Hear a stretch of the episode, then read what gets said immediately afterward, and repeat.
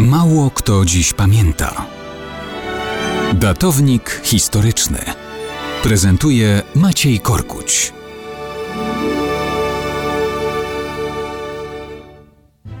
Mało kto dziś pamięta, że 15 lutego 1951 roku wyznaczona została wschodnia granica dzisiejszej Polski.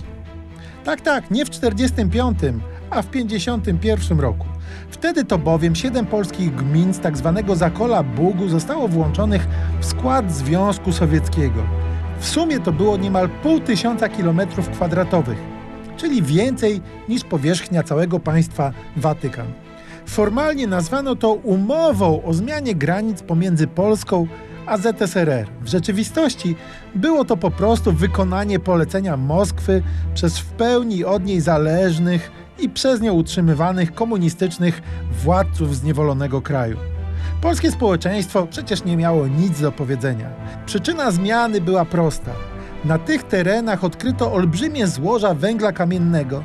Sowieci uznali, że sobie je wezmą, dając Polakom ze względów kosmetyczno-propagandowych podobny rozmiarem, ale pozbawiony takich bogactw obszar w Bieszczadach.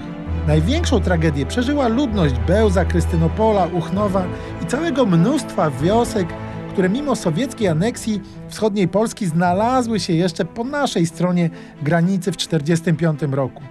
Teraz musieli zostawiać wszystko: domy, ziemię, rodzinne cmentarze i groby ludności zaledwie kilka lat wcześniej pomordowanej przez łupa.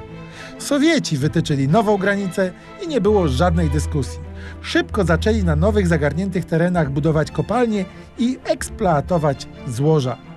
Inna rzecz, że na podobnej zasadzie totalitarna władza nie patyczkowała się z ludnością ukraińską z rejonu Ustrzyk Dolnych. Stamtąd także ludzi wyrzucono z rodzinnych stron i tyle. Od totalitaryzm w praktyce.